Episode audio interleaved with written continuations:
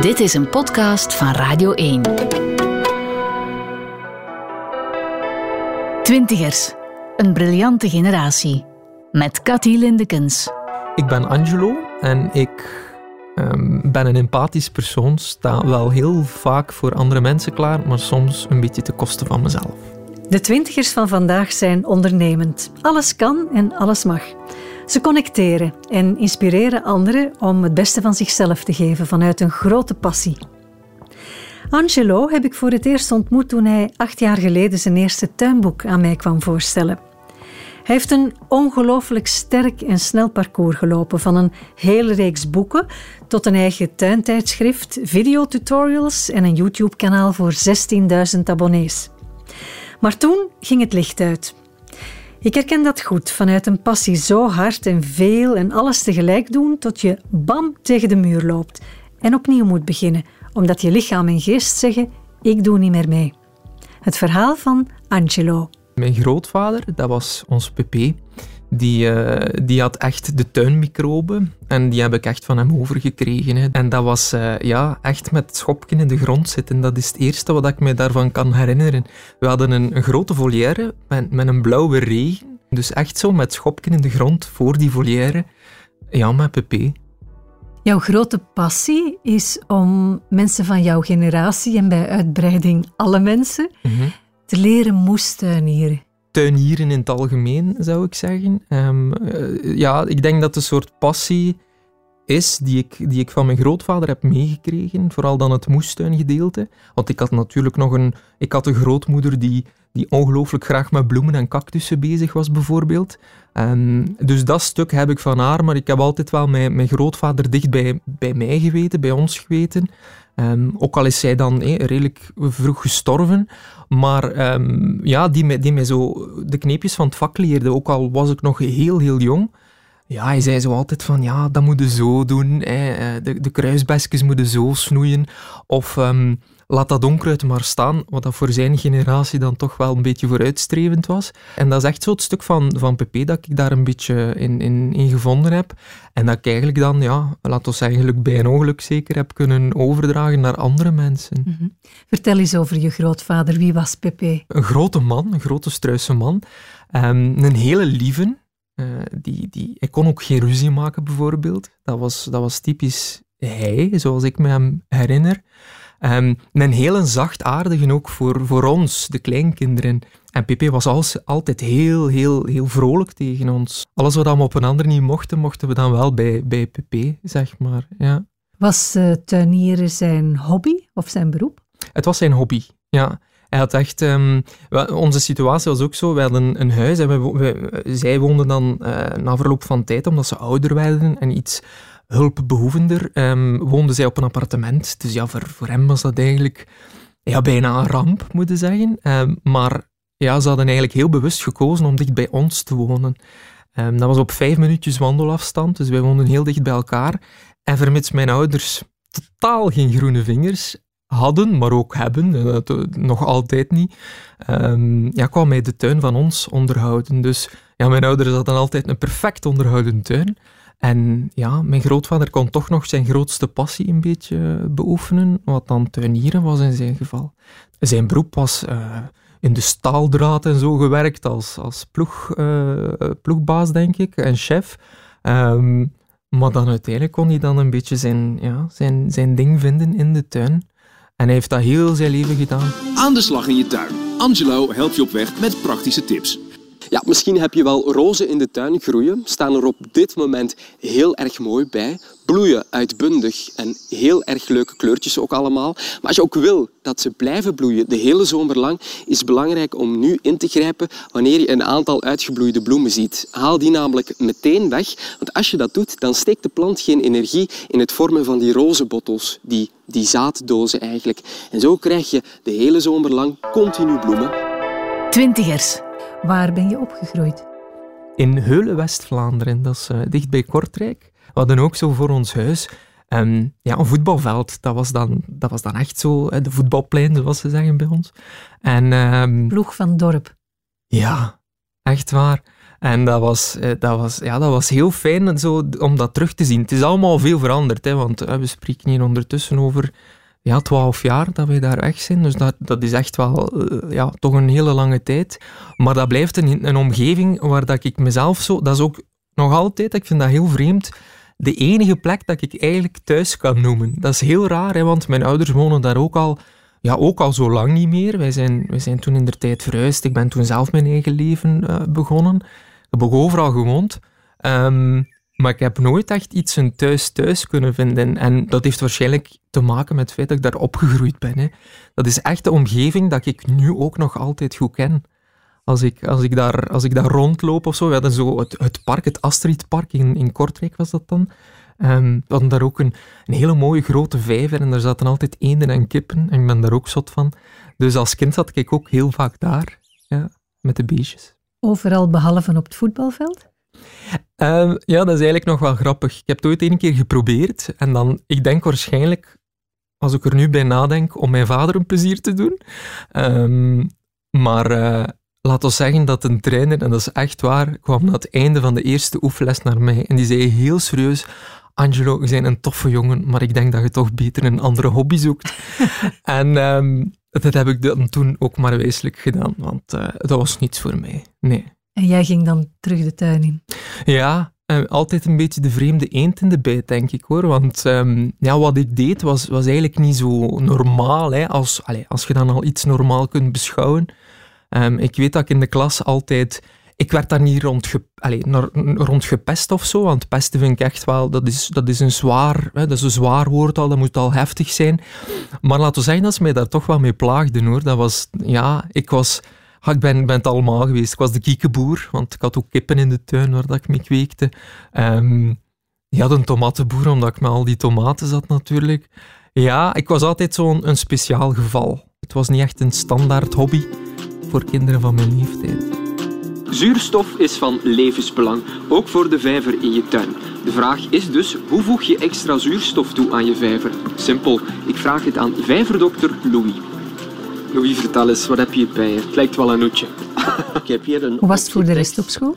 Goed, um, ik ben in Marken, uh, heb ik mijn lager gedaan, ben ik naar het kleuter geweest uh, en dat was toen het Open Groene. Dus dat was, ja, die school ja, heet het Open Groene.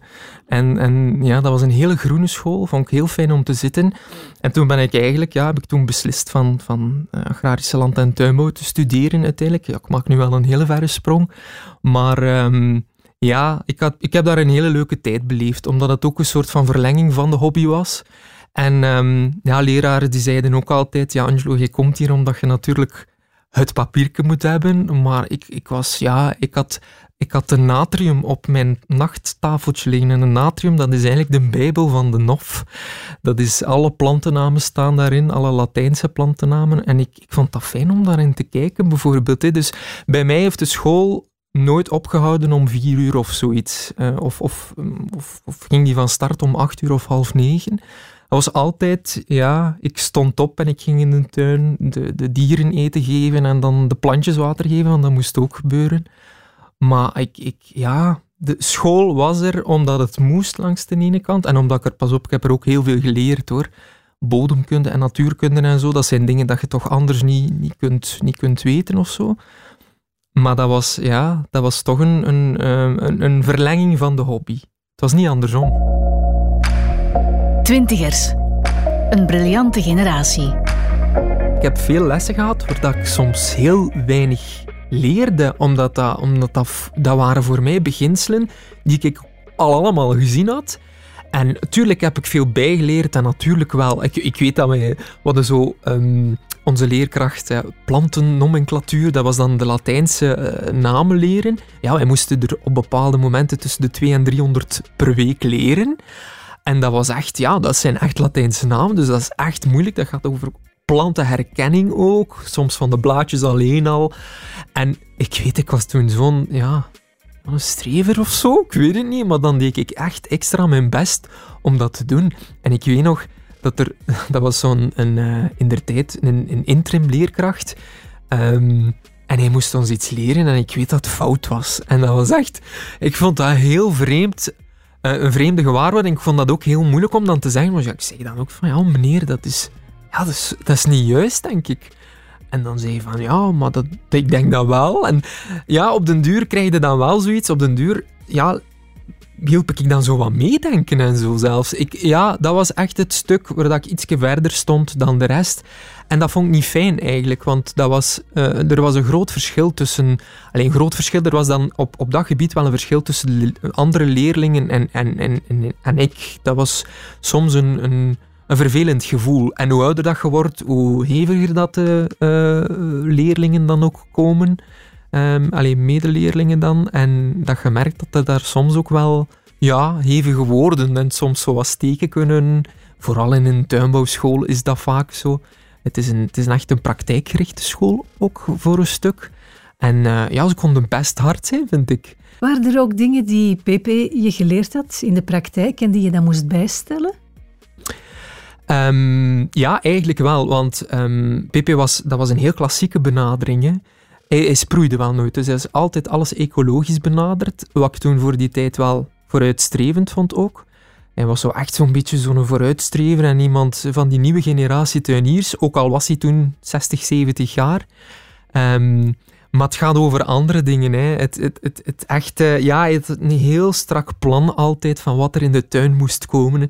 En alles had een plek. En, en ik zei het, ja, hij, dat, hij was de hele, de hele gestructureerde uh, tuinier met strakke lijnen en zo. Ik ben dat alles behalve. En ik ga denk ik iets meer rekening houden nu met met de beestjes. Ik ga echt meer voor de bijen planten en voor de vlinders. Zalig toch, dat zonneke. Ik vind dat echt fantastisch. En de lentekribbels die beginnen ook hun werk te doen, dus tijd om de tuin verder onder handen te nemen. Ik ga je vandaag laten zien hoe je zelf aan de slag gaat met het maken van een tuinplan.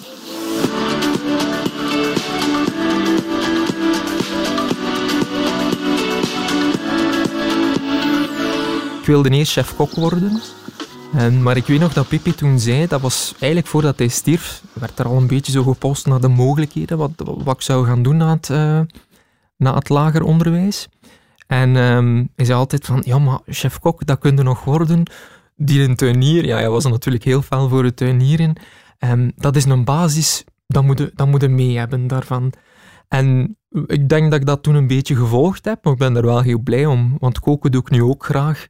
En voor een chef-kok, daar zou ik toch niet voor dienen, denk ik. Ehm, ik heb daar geen, uh, geen geduld voor. Ja, voilà. Dus hij had wel gelijk. En ik vind nog altijd wel het school aan zich een hele mooie tijd. Want ik had ook ja, we hebben ook kattenkwaad uitgehaald. We hadden ook een school, dat was ook geen, geen normale school tussen haakjes, ehm, waar dat je altijd binnen zat. Hè. We zaten ook echt altijd buiten. Hè. We hadden heel veel praktijkles ook. Um, we zaten tussen de fruitbomen, wij plukten aardbeien, eentje in het bakje, twee in de mond. En dan, ja, echt buikpijn hebben bijvoorbeeld. Dat zijn echt herinneringen dat ik daaraan heb. De temperaturen gaan eindelijk opnieuw de hoogte in. Tijd om te planten en te zaaien in de jouwtuin. De Klaaruit-collega's gaan dadelijk aan de slag met de moestuinbakken om er zelf groenten, kruiden en fruit te kweken. Mannekes, komen jullie mij eens even helpen? soms zeg ik, stel ik mezelf dan wel eens de vraag van, uh, wat heel normaal is denk ik, maar hoe zou, wat zou Pipi uh, ervan denken? Wat, wat, zou hij zeggen? Hij zou veel dingen raar vinden ook. Want dus, Pipi was ook iemand, hij, hij, ja, hij, zei ook graag hoe het moest, maar het moest allemaal voor niet te veel volk zijn. het mocht wel heel beperkt blijven. Dat is nu hetgeen wat ik niet doe natuurlijk. Ik, ik doe dan het tegenovergestelde. Ik kom er dan echt mee naar buiten. Dus hij zou dat wel impressionant gevonden hebben, denk ik, maar ook raar. En dat is wel iets waar ik nog vaak bij stilsta. Zo van, ja, ik ben hem vroeg verloren. We zijn hem allemaal vroeg verloren. Maar hoe zou je daar, ja, hoe zou je daar allemaal mee omgegaan zijn? Uh, want hij gaf zo vroeger ook altijd de, de tuinboekjes door. Dus hij las ze. Uh, hij had een abonnement. Hij las ze. En ik, ik kreeg die dan allemaal doorgeschoven. En ja, ik las die dan ook allemaal natuurlijk. En dat, dat, dat, ja, het feit dat ik dat dan nu allemaal ook zelf doe, dat ik daar ook in sta. Dat, dat, ja, dat zijn wel dingen dat ik dan soms denk van, had hij het maar allemaal kunnen, kunnen meemaken. Hè. Hij zou best trots geweest zijn. Ik hoop het. Twintigers, een briljante generatie. Pippi was... Um, hij, hij, had potkanker. Ehm, dus ja, dat is echt een van de agressiefste kankers ook dat je kunt hebben. Ook een heel pijnlijke kanker vooral. En um, dus hij is, hij is op een bepaald moment is hij verlamd geraakt. Dus in een rolstoel beland. Daar had hij het ook heel, heel moeilijk mee natuurlijk. Want van een heel actief persoon naar een dan uh, ja, rolstoelafhankelijk iemand. Ja, dat was, dat was echt heel moeilijk. Kon je voor hem in die periode uh, nog iets betekenen als verbindingstuk met zijn tuin? Moeilijk, want ik moet zeggen, toen, toen opa ziek is geworden, um, ik, ik, ik ben daar ook een stuk van afgestapt van die tuin. Dan. Mhm. Ik kon dat niet meer. Um, ik heb het wel een stukje gedaan, maar toen, op het moment dat hij gestorven is, ja, heb ik dat ook zo'n jaar echt verwaarloosd. Kon ik daar geen verbinding meer mee maken. Um, en zelfs ja, toen hij bij ons nog kwam, in zijn rolstoel, probeerden we dat wel en kwamen nog wel vaak op terras en zo. Maar hij had daar zelf heel veel moeite mee. Hij had echt moeite om, om te zien dat dat niet meer was zoals hij dat ook ooit gedaan had. Vertel eens over je ouders. In wat voor een nest ben je geboren? Ik ben in een heel warm nest geboren. Wij zijn met drie kinderen thuis. Dus uh, mijn twee jaar jongere broer Lorenzo uh, en een negen jaar jongere zus Charlene. Mijn vader was een heel harde werker in de bouw. Hij was vloerlegger. Dus um, ja, heeft dat, heeft dat altijd gedaan. Ik heb, ik heb nooit anders geweten. Een werkpaard. Zo'n typisch West-Vlaams strekpaard, denk ik. ja. Uh, mama die is... Um, uh, ja, heel lang huisvrouw geweest ook. Um, deels meegeholpen dan uh, administratief in de zaak. Um, ze is dan ook nog poetsvrouw geweest, omdat ze dat heel graag deed. En vooral, ja, echt huismoeder heb ik ze bijna altijd geweten. Hè. Dat was best heftig. Ja, een moeder die veel thuis was mm -hmm, toen. Mm -hmm. Dat is een luxe? Ja, dat is een luxe, maar ik weet dat ik toen wel... Um, uh, ik weet eigenlijk niet of dat ik dit mag zeggen, want als ze dat zo fijn vindt. Maar uh, mijn, uh, mijn moeder die heeft het graag altijd heel netjes. Yeah. En um, ja, ik als jong... Propere als jong vloeren. Ja, propere vloeren, dus je hoort mij al afkomen. Ja, dat boterde vroeger niet zo goed, omdat ja, ik, ik, ik zat buiten en hoe, ja, hoe meer modder, hoe, hoe liever dat ik het had, zeg maar. En dan had ze alles netjes gepoetst en, en opgeblonken. En dan kwam ik met mijn vuile voeten natuurlijk binnen, met uh, alle gevolgen van dien. We hebben zo heel veel gekibbeld, en, maar dat ging altijd da daarover. Oh, uh, dus uh, ik was wel heel blij toen dat ze ook weer buitenshuis wat deed. Dan had ik ergens een beetje meer vrijheid. Snap je wat ik bedoel? Dat is, dat is, dat is heel vreemd om te zeggen, maar dan, dan, dan deden wij het ook beter.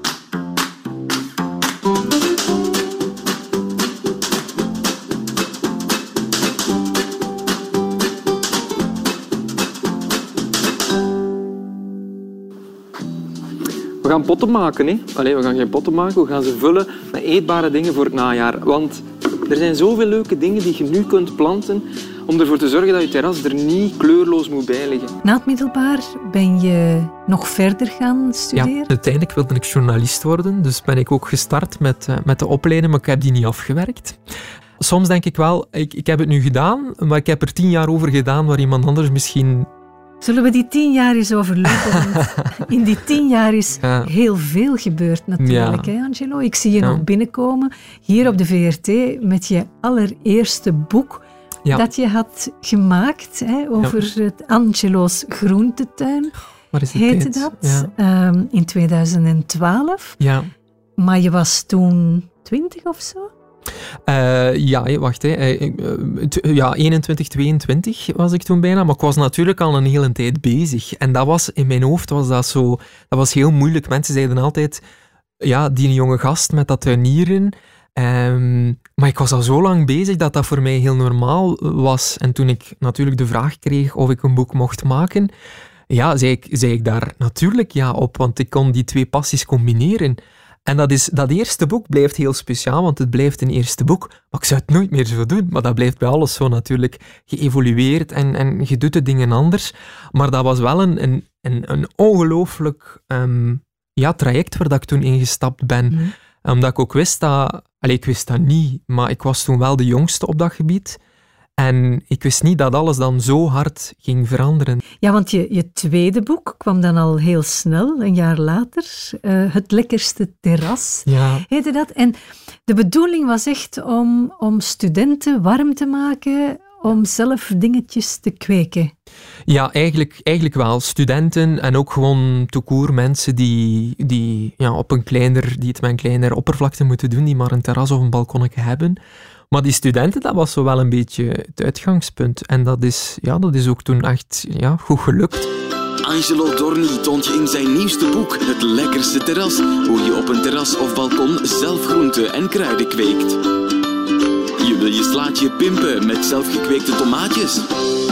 In Het Lekkerste Terras maakt Angelo van jouw balkon of terras een echte groentetuin. Aangevuld met heerlijke recepten. Het boek is er eigenlijk gekomen omdat ik toen, laten we zeggen, de liefde had gevonden. Stijn, mijn man, waar ik nu mee getrouwd ben en nog altijd samen ben. Ehm, en ik ben hem gevolgd naar Antwerpen. Dus ik, ben, eh, ik heb de West-Vlaamse klei toen achtergelaten, ben naar Antwerpen verhuisd. Ehm, ja, dat is ook een fase geweest en er is het boek uit voortgekomen, maar Goed, ik dien niet op een, om op een appartement te zitten, dat, dat is wel heel duidelijk. Ik denk dat het uh, succesvolste boek, uh, het tomatenboek, was Pomodori. Um, dat was uiteindelijk het zesde boek, denk ik. En ja, dat is, dat, daar lag ook de grote passie. En ik denk dat dat ook ja, erin, erin duidelijk was. Denk Vertel ik, eens iets over jouw absolute liefde voor tomaten. Of de absurde liefde voor tomaten. Misschien is dat nog wel... Uh, ja. Um, uh, opa, Pepe, die, uh, die tuinierde en die kweekte alles behalve eigenlijk tomaten. Omdat hij dat een gewas vond dat hier niet goed eet. En dat is ook zo. Uh, maar goed, er bestaan daar oplossingen voor. Serres, um, zie, zo klassiek was hij dan. Hij wilde daar dan allemaal niet van afstappen. En ik had daar wel een, een, een verbinding mee. Als ik weet dat nog naar een tuinbeurs ben geweest met een buurvrouw van mij, waar ik ook heel veel mee in de tuin heb gezeten trouwens. Um, en ja, daar lagen dertig verschillende soorten tomaten, in alle kleurtjes, in alle vormen, in alle gewichten. Hele grote, hele grote bonkers van tomaten, maar ook hele, hele, bes, hele besachtige tomaatjes, hele kleintjes. En ik, ja, ik was verkocht, ik ben daar instant verliefd geworden. En die mens zag dat en die zei, het was op het einde van de beurs, neem ze mee en haal de zaadjes eruit. En dat waren echt mijn eerste dertig soorten die ik, um, ja, die ik eigenlijk gekweekt heb. En vond dat fantastisch. En toen ben ik helemaal loco gegaan en uh, online beginnen zoeken. In die tijd waren daar nog forums voor en zo. En toen ben ik eigenlijk met uh, Rita de Klerk, uh, dat, is, dat is een, ja, op dit moment ook al ja, een iets oudere dame, dat mag ik wel zeggen, denk ik. En ja, er scheelde altijd heel veel leeftijd tussen ons, maar dat klikte heel goed. Ben ik met haar in contact gekomen.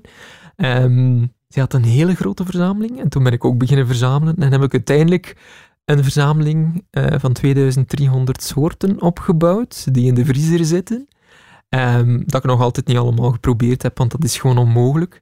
Maar ja, dat is, dat is gewoon altijd heel apart geweest voor mij. Dus eigenlijk een groot stuk van mijn jeugd dan, tussen de, laten we zeggen, 12 nadat, nadat gestorven is, en mijn achttiende, dat waren tomaten. Ik had elk jaar meer, meer of ja, 220 soorten staan, denk ik, in de tuin. Ik ging niet mee op vakantie. Um, dus ik was daar echt volledig in doorgeslagen, denk ik. En op een gegeven moment zei mijn uitgeefster toen in de tijd van Angelo, ja, je hebt nu al zoveel gedaan, maar eigenlijk het, hetgeen waar dat dan de grootste passie eigenlijk ligt, nog niet. En misschien is er wel een, een plaats voor een tomatenboek. En dat bleek, want ja, in, uh, het is vertaald geweest toen ook in het, um, het Ests. Dus ja, dat is, dat is zo het enige boek dat zoveel heeft, heeft gedaan. En ja, daar ben ik nog altijd wel heel trots op. Ja.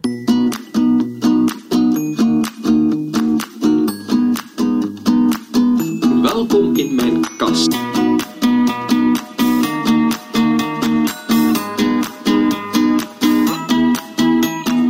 Op een bepaald moment zijn er met zodanig veel mensen bezig van over de hele wereld. Ik heb geruild, dat was toen ook ruilen met mensen dat je deed. Ja, er bestond toen nog niet zoiets als Facebook en zo hoor. Dat was echt nog... Ik ben daar eigenlijk wel blij om, want ik heb daar zo... Ja, op dat moment waren dat ook soort pennenvrienden dat ik er, dat ik er aan overgehouden had. Um, en ook de taal wat oefenen, want dat was toen ook meestal in het Engels dat je moest schrijven. En dat was heel fijn. Dan stuurde zaadjes op naar elkaar hè, en dan kon dat ook gewoon. Dus dat was uh, ja, een heel fijne tijd. Terwijl jij jezelf begon te ontwikkelen, was er ook de grote ontwikkeling van het, uh, van het internet, de sociale media. Ja. En dat heb jij ook absoluut volkomen gebruikt om, uh, om je ding te doen als moestuinier van Vlaanderen. Um, ja, ik denk het wel. Um, Allee, of dat probeer, dat probeer ik toch. En ik vind, denk ik, heel positief dat ik uit een tijd kom, of dat ik opgegroeid ben in een tijd waar dat niet zo was. Want ehm, ja, toen dat ik echt gewoon naar de lagere school... Ja, iPads en zo, dat bestond toen ook allemaal niet. Dus ik heb ook met de flippos en de knikkers en zo gespeeld, gelijk een ander. Um, maar toen, ja, toen, ja, toen kwam het internet, groeide op. En ik heb naast dat schrijven, had ik zo ook wel ja, alles wat dan met, met internet en zo, ja, die hobby te verkondigen of die, die passie te verkondigen. Ik wilde daar iets mee doen ook. En ik had mezelf echt aangeleerd om, om websites te maken en zo. En um, ik ben toen dat, dat, dat heette toen nog geen blog. Uh, een beetje de voorloper van een blog begonnen. En uh, ja, dat was echt een ongelooflijk succes. Ik, ik, ja, ik ben daar toen echt van geschrokken. Ik had ook een nieuwsbrief en daar waren echt duizenden mensen op ingeschreven. En ik vond dat zot dat iemand dat ja, wilde lezen van een 16-jarig iemand. Maar dat waren allemaal dingen die ik uitgeprobeerd had of, of, of ja, die ik, ja, waar ik zelf dingen mee deed. En dat vonden mensen blijkbaar ja, heel aanstekelijk. En zo is de bal aan het rollen gegaan. Want zo ben ik dan ook opgepikt geweest door... Ja, dat waren dan eerst lokale kranten, omdat... Ja, ik was de jongen met... De, ik heb daar nog krantenknipsels van. Hè. De jongen met, met de tomaten, hè. dat was hm. met, met bijzondere passie. En dan uiteindelijk ben ik beginnen schrijven voor tijdschriften en zo.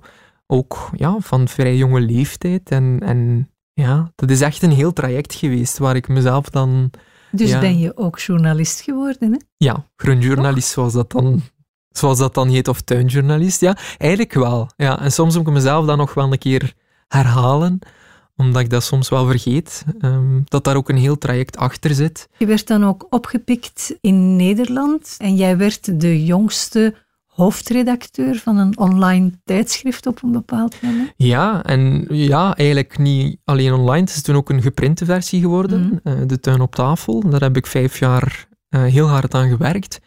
Um, ja, en dat was...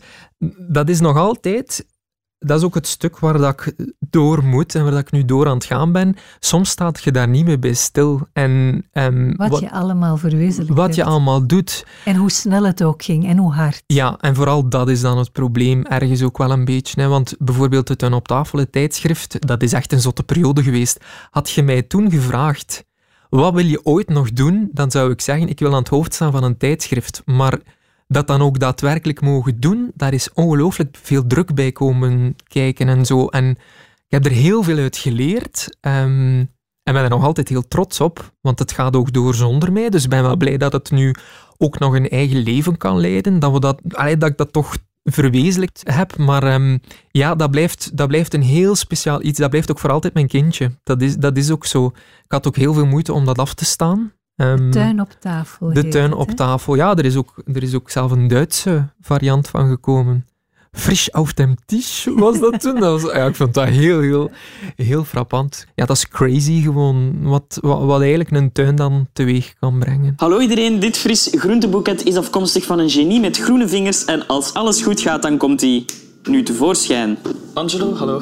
Hey Bert. Kan je even opzommen wat jij doet in het leven? Ik ben met heel veel dingen bezig. Angelo Dorny is bij ons, heeft een, uh, een eh, nieuw boek uit, Goed gezaaid. We gaan ons voorbereiden op de zaaitijd. Wat zijn de basisregels, Angelo? Wel, uh, je moet met een aantal dingen rekening houden, want je kunt niet, dat is een eerste ding dat je moet weten, zomaar zaden in de grond stoppen en hopen dat moeder natuur de rest doet. Allee. Dat is wishful thinking, dat lukt niet. Oh zo chic. Ja, Angelo, ik moet naar een evenement. Tuinexpo? Ja, een tuinexpo in Kortrijk, ja. Het is wel over de moestuin en zo. Ja, en dan? Bedoel, mag je dan niet chic gekleed gaan of wat? Allee, dat, dat wil toch niet zeggen omdat je een lezing gaat geven hè, op zaterdag en zondag over de moestuin, jij en ik, dat ik niet een beetje opgekleed mag gaan. Hè? Dat is waar. Kan het eigenlijk kwaad of trekt een fruitboom zich daar iets van aan als je de vruchten niet plukt? Als je nu al je pruimen of appelen of peren laat hangen? Is, kan dat kwaad? Goeie vraag, Jan. Ja, uiteindelijk wel, want de natuur zal uh, zelf selecteren. Hallo, ik ben Angelo en op maandag ga ik de tuin in voor een handige tuintip. Op vrijdag trek ik naar de keuken voor een makkelijk recept. En vermits het volop zomer is en dat gelijk staat aan het tomatenseizoen, alweer een tomatentip. Oké. En wat heb jij voor potjes dan voor je? Wel, ik heb, um, ik heb gewoon kleine potjes meegebracht om te laten zien. Ik kan hier moeilijk alles beginnen volleggen met Snap aarde. Hè. Um, maar dus meer dan dat heb je niet nodig. Kleine potjes, een beetje potgrond. en ja, de, de, de plantjes die je wilt verplanten. En dat doe je. Even voor. Ja, doe er, pak er ondertussen eentje, want ik weet ook, je kan, ik weet zeker dat je twee dingen tegelijk kan doen. Want ik heb hier ook zitten Marjolein, want je hebt ook zo'n potje Marjolein. Jij hebt een vraag ook, hè, voor, voor, voor Angelo. Ja, wat, wat nu, is mijn vraag. Oh, nou, wat nu? Dat is het, eh, ja, het, het stuk. Er is iets fout gelopen daar. Ehm, Je bent gecrashed. Ik ben echt gecrashed. Want bijvoorbeeld ook, ehm, ik heb een samenwerking met een productiehuis in Antwerpen. Die hebben mij op een bepaald moment, drie jaar geleden, gecontacteerd van zeg Angelo, ehm, wij moeten nog eens koffie drinken, want ik, ehm, ik heb ooit iets gedaan ehm, tussen de boeken en het schrijfwerk. Mocht ik ehm, op VTM bij de keuken van Sophie de tuintips presenteren. Dus in elk weekendblok waren er altijd tuintips. En dat was mijn eerste kennismaking eigenlijk met, met televisie. Dat was eigenlijk heel overweldigend als ik daar nu bij stilsta, want dat was toen ook een hele grote ploeg. En ja, ik heb daar ook hele leuke dingen kunnen doen, ook ervaring kunnen opdoen. Maar Landvogel werkte voor Libelle TV toen het nog bestond. En ik had daar een productie mee gedaan, dus ik deed daar ook wel een aantal dingen voor. En daar is uiteindelijk wel een samenwerking uit voortgevloeid. Eh, wat resulteerde in een, een YouTube-kanaal. Hè. Ehm, kijk, en ondertussen zitten we aan 16.000 abonnees. Dus dat is echt... Ja, om Vlaanderen te zijn, is dat wel... Ja, moet ik mijzelf soms nog een keer, een keer eh, nijpen, om, om, om, ja, omdat dat wel omdat dat wel indrukwekkend is nog altijd. Het is echt een community. Ehm, en toen zijn we inderdaad ja, twee afleveringen per week beginnen maken. Maar dat was te veel van het goede. Dat was echt... ehm, ja, omdat ik dat dan... Als dat dan alleen maar dat is, kun je nog zeggen oké, maar ik deed dan nog al de rest ernaast. Twintigers. Een briljante generatie. Met Cathy Lindekens. Vroeger had je burn-outs op je 40ste, 50ste. Maar ik zie dat bij jongeren al heel vroeg opduiken, omdat het allemaal zo hard gaat vandaag. Ze kunnen veel sneller tegen iets aanlopen. Maar dat kan een voorbode zijn voor een heel leven waarin het telkens heel hard en snel zal gaan en weer zal botsen. Zoals ik het zelf ook wel heb meegemaakt. Angelo is het prototype van zoveel jongeren die heel hard hun best doen en met al hun creativiteit heel snel nieuwe wegen vinden. En gaan en gaan. Maar je moet ook voorzichtig zijn.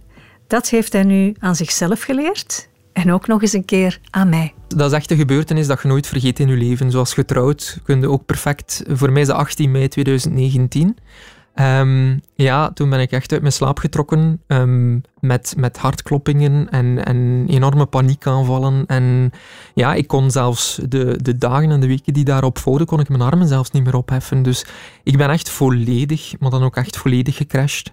Want je was ondertussen ook verhuisd naar een, een mooi huis met Stijn. Ik Ja. zag eh, op sociale media ook hoe jullie dat Ja. aan het eh, inrichten waren en zo. Dus het kwam allemaal tegelijk. Er is te veel gebeurd en ik heb het nooit willen inzien, maar dat is natuurlijk wel ook ja, mede daardoor. Hè. Ehm, de burn-out was in mijn geval volledig werkgerelateerd dan, wat dat betreft. Maar ik had gewoon fysiek ook al er heel veel op zitten. Hè. We hadden ook ja, een hele tuin opnieuw aangelegd. Dat werd dan allemaal vastgelegd op beeld. Je moet scenario's uitschrijven. Je, moet, je, bent, ja, je bent scriptjes aan het maken. Je, bent dat dan aan het, ja, je moet dan voor de camera staan. Dat is best wel heftig. En als dat wekelijks eh, op, op, zo'n zo'n tempo is en je moet er alles nog bij doen, dan, ja, dan houdt het op. En eigenlijk moest ik het weten, want ehm, het, het was al een jaar bezig. Het, het was al, ik, had al, ja, ik heb sowieso heel veel last van chronische vermoeidheid en spierpijnen. En ik weet dat ik eigenlijk trager moet leven of op een andere manier moet leven. Maar ik heb daar nooit naar geluisterd naar mijn lichaam. En ja, het, het klinkt echt logisch, maar ik, ja, het is echt een hele zwarte pagina uit, uit, dat, uit dat boek. Want van de burn-out ben ik dan in een depressie gesukkeld ook. En ja, dan komt je zo van het een in het ander. En dat is echt die sneeuwbal die dan rolt en jammer genoeg niet in de goede richting. Want ja, het was echt niet, het was echt niet oké. Ik, ik wilde hier ook echt niet meer zijn. En ehm, ja, op dit moment gaat het dan ook al iets beter wat dat betreft. Ehm, heb ik die gedachten ook niet meer voor alle duidelijkheid. Anders zou ik hier ook niet zitten. Ehm, want tot een paar weken of maanden geleden kon dat ook niet. Ik ben al heel blij, dat is op zich een overwinning, dat ik hier weer zit. En dat dat dan voor het eerst bij jou is, dus natuurlijk heel fijn. Maar ehm, nee, absoluut niet. En ik heb zelf heel lang getwijfeld. Ook dit gesprek, want je moet het enerzijds hebben over, over die grote passie, maar die passie was volledig weg. En dat bedoelde ik ook een beetje, maar ik voelde het aankomen. Het was er aan het uitgaan. Ik was alleen maar, dat tuinieren was alleen maar werk geworden. Ik, kon, ik kon dat niet meer doen zoals ik het vroeger deed met PP of, of zelfs daarna. Zo verwonderd zijn van iets of, of gewoon eens rustig iets moeten doen. Je was je eigen merk geworden. Ja, ja, ergens wel. En dat is ook, ik heb daar met de psychiater en de psycholoog eh, heb ik daar ook hele lange gesprekken over gehad en nog altijd. Want als ik ooit nog wil doen wat ik deed, en ik voel het weer wat meer, dus het is positief in die richting, ja, dan, dan zal het anders moeten. Ik was, mijn, ik was de Angelo van op mijn paspoort was ik kwijt. Het was, een, het was een, ja, het Angelo dat de mensen kennen uit de tuin geworden. En je moet aan zoveel dingen voldoen. En dat was, dat was niet meer oké. Dat was echt niet oké. En ehm, ik voelde mij ook heel wankelig. En terwijl ik normaal een sterk, mondig persoon ben. En ja, dat, dat voelde niet goed aan. En dat is dan ook gebleken, hè, want het is echt, uh, ja. Ik ben ook moeten stoppen met werken. Dus ik heb alles, alles moeten loslaten. Dus ik ben nu iets meer dan een jaar thuis, eigenlijk. Ehm, en dat is heel moeilijk, want in het begin ben je echt, je, je moet door een proces. Je bent wel thuis, fysiek, maar je bent in je hoofd ben je nog altijd aan het werk. En thuis is die tuin er ook. Die tuin en, en voor mij ook mijn bureau. Mijn, ik, ik, ik, heb al, ik heb altijd van thuis uit gewerkt, zelfstandige. Dus ja, ik had ook niet echt de fysieke plaats die ik kon afsluiten. Uh, in het begin moesten wij ook gewoon mijn bureau wegnemen, want ik zat ook gewoon in de, in de living, had een, een hoekje met een bureau, omdat ik daar niet meer naar, kon kijken. Dat was echt heel moeilijk. En ook die in tuin. Ik heb vorig jaar echt gezegd, kijk, je mocht er een lucifer tegenhouden. Ik, ik, als, als het nu afbrandt, vind ik het prima. Ik, ik, ik wil daar niets meer mee te maken hebben. En ik kon daar ook niet in komen. Dat is heel raar, hoe dat iets waar dat je zo'n grote passie voor hebt, dat dat volledig, maar dan ook volledig kan verdwijnen. Dat, dat, dat was echt volledig weg. Tot, ja, dit voorjaar. Ehm, ja, ik, ik, ik zeg wel altijd een keer van, het, het heeft, en, maar dat meen ik ook, het heeft diep gewinterd in mij, Mm. Maar de lente is daar toch een beetje terug. En dat vind ik, dat is heel positief dat ik dat kan zeggen, want dat is lange tijd niet zo geweest. Ik moet heel voorzichtig doen en stap voor stap. En fysiek werk is heel moeilijk, maar het gaat beter in het kopje. En dat is uh, voor mij een van de belangrijkste redenen om hier nog te zijn, want dat kopje heeft ervoor gezorgd dat ik dat niet meer wilde. Dus um, ja, met de lente is ook een beetje het gevoel voor de, de tuin teruggekomen. En um, ja, dat is fijn weer. Ambitie is een raar ding, hè? Dat is een heel raar ding. Ik zeg dat heel vaak tegen Stijn, en dat is met alle respect natuurlijk, hè. maar een 9-to-5 job, dat lijkt me soms zo zalig. Om niet te moeten altijd bezig zijn, want op den duur was ik ook s'nachts aan, aan het, je bent continu bezig. Op een bepaald moment had ik ook echt een notitieboekje naast mij liggen en ideeën die opkwamen s'nachts. Ja, ik, ik sliep ook gewoon niet meer. Ik heb nachten gehad dat ik anderhalf uur sliep. En dat kan je niet volhouden, dat, dat kan gewoon niet blijven duren. En die sociale media ook, hè, dat is, ja, daar komt echt wel heel veel druk ook weer bij kijken. Hè, want je moet altijd de beste versie van jezelf zijn. Of, je moet dat niet. En dat probeer ik nu ook echt minder te doen. Maar ja, toch is dat een soort van, ja, je ziet mensen en je wilt daar een voorbeeld aan stellen. En ik vind dat ergens ook wel heel verontrustend ook weer, hè, want dat betekent dat niet alleen, ja, ik, ik nader nu ook de dertig. Um, maar dat wil ook zeggen dat alsmaar jongere meisjes en jongens daarmee te maken krijgen met die, met die druk. Wat ik heel fel um, ervaar ook nu nog op dit moment, je hebt het stuk burn-out en je hebt het stuk depressie dan. Dat zijn eigenlijk twee verschillende dingen. Hè. Um, de burn-out is er volledig gekomen door, door het werk en door het verkeerd aan te pakken. Maar ja, depressie is dan in mijn geval. Ik ben daar ook heel open over. Uh, ik ben getrouwd met een man. Ik wil heel graag kinderen. Maar goed, ja, de natuur schrijft het niet zo makkelijk voor op die manier. Dus uh, ja, dat is, een, dat is een tikkende tijdbom op een of andere manier dat zich in mij bevindt. En ja, waar dat ik... Onvervulde kinderwens. Ja, dat is echt een onvervulde kinderwens. En dat zal mijn hele leven lang zo blijven. En natuurlijk kun je zeggen, daar zijn oplossingen voor. En daar zijn ja, dat is echt niet de eerste keer dat we daarover nadenken. Maar je moet dat ook aankunnen. Adoptie is op dit moment 7 à 10 jaar wachttijd. En ik weet nu dat ik een, een, mentale kwetsbaarheid heb. En ik ga dat ook niet meer opzoeken. Dus ik, ik, tegen dan ben ik ook 40. Is mijn man 45? Laat ons eerlijk zijn, Cathy. Ik weet niet of dat je dan nog heel bewust aan kinderen begint. Ik heb, ik heb ook schrik dat ehm, bij, bij adoptie is het ook zo, want we hebben ons daar ook laten in begeleiden en zo. Hè. Bij adoptie is het ook zo dat je eigenlijk een nummerke krijgt en in een wachtlijst moet staan. Hè. En je gaat omhoog, maar je gaat ook even snel weer naar, naar beneden in die lijst. En, en ja, dat is het probleem. Je weet ook nooit wat er komt. Er zit daar heel veel on- onzekerheid in. En wat ik nu niet nodig heb, is onzekerheid. En dat is dan iets ja, waar dat wij beslist hebben ook al op een bepaalde manier, denk ik, om dat niet te doen. Dus dat is uitgesloten voor ons. Dan blijft er nog pleegzorg over, maar daar moeten we ook wel sterk voor zijn. En ja, er zijn heel veel kinderen die, die, ja, die een gezin nodig hebben, maar dan moeten ze ook wel sterke ouders hebben die dat kunnen doen. Want daar komt ook heel wat bij kijken. Hè. En ja, nu komt het besef wel van oké, het zal misschien niet voor ons zijn. Misschien nu nog niet. Laat ons zeggen, op dit moment is dat niet aan de orde. Ehm, maar dan moet je daar ook een andere invulling aan geven. En aan, aan je leven ook. Ik ben een heel zorgend type. Vandaar ook dat ik, eh, dat ik heel empathisch ben. En dat ik met mensen altijd meevoel, maar dat ik nooit naar mezelf kijk. En ja, dat, dat leer ik daar nu wel heel hard uit, uit dat proces. Omdat die 30 kwam er en ik had zoiets van, is dat het nu? Dat klinkt heel raar, hè, want je bent nog bitter jong. En, en eh, ik, ik merkte ook, hè, vroeger begon het toen allemaal nog maar. Hè. Maar ik ben, ik ben al getrouwd, ik heb een huis. Ik heb, ja, dat kind is er dan niet. Wat heel moeilijk is dan in mijn hoofd blijkbaar op een of andere manier. Dat blijft een gemis.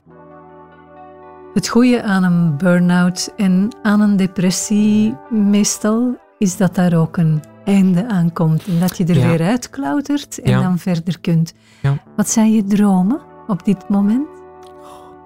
Dat is echt een hele moeilijke, Cathy. Omdat ik nu uit een... Ik heb daar eigenlijk nu nog niet bij stilgestaan. Ik denk, gaat mijn dromen op dit moment... Ik zou heel graag verder uitbouwen op een gezonde manier waarmee ik bezig was. Ik heb altijd gezegd, ik wil echt nog televisie maken. Omdat ik denk dat er verschillende mogelijkheden nog zijn om mensen aan het tuinieren te krijgen, om daar echt iets mee te doen. Omdat ik nu heel veel zie, door eh, wat ik nu doormaak... ehm, dat eigenlijk die tuin altijd een passie is geweest en er nog altijd is. Ik heb eigenlijk zo wat dingen geprobeerd. Ik, heb begin, ik ben beginnen tekenen. Dat, dat, dat, dat, dat, was ook heel rustgevend, maar ik merkte dat ik, dat in die periode een vervangende, een vervangende passie zocht. Ehm, maar ze, zat, ze lag onder mijn neus. En dat, dat is iets wat ik... Je heel- tekende tuinen en dieren. ja, ik, ik, dat was dan eigenlijk weer de, de, de grap van het hele verhaal, of de ironie van alles. Hè. Ik ging dan toch weer terug naar, naar waar het eh, zich allemaal afspeelde. Dus ik heb geleerd dat de tuin niet eh, de oorzaak is van het probleem, maar de manier hoe dat ik in het leven stond. Je wordt daarvan kleins af aan ingesmeten en je doet heel vaak wat andere mensen nu zeggen, maar ja, de, het, het beste zijt je nog altijd als je doet wat dat je zelf wilt doen en wat dat je zelf naar buiten wilt brengen. Content met wat of wie je bent. Zo zegt het. Eh, goed is goed genoeg. Content zijn, ja. Dit was Twintigers, een podcast van Radio 1. Ontdek nog meer podcasts van Radio 1 in onze app en op radio1.be.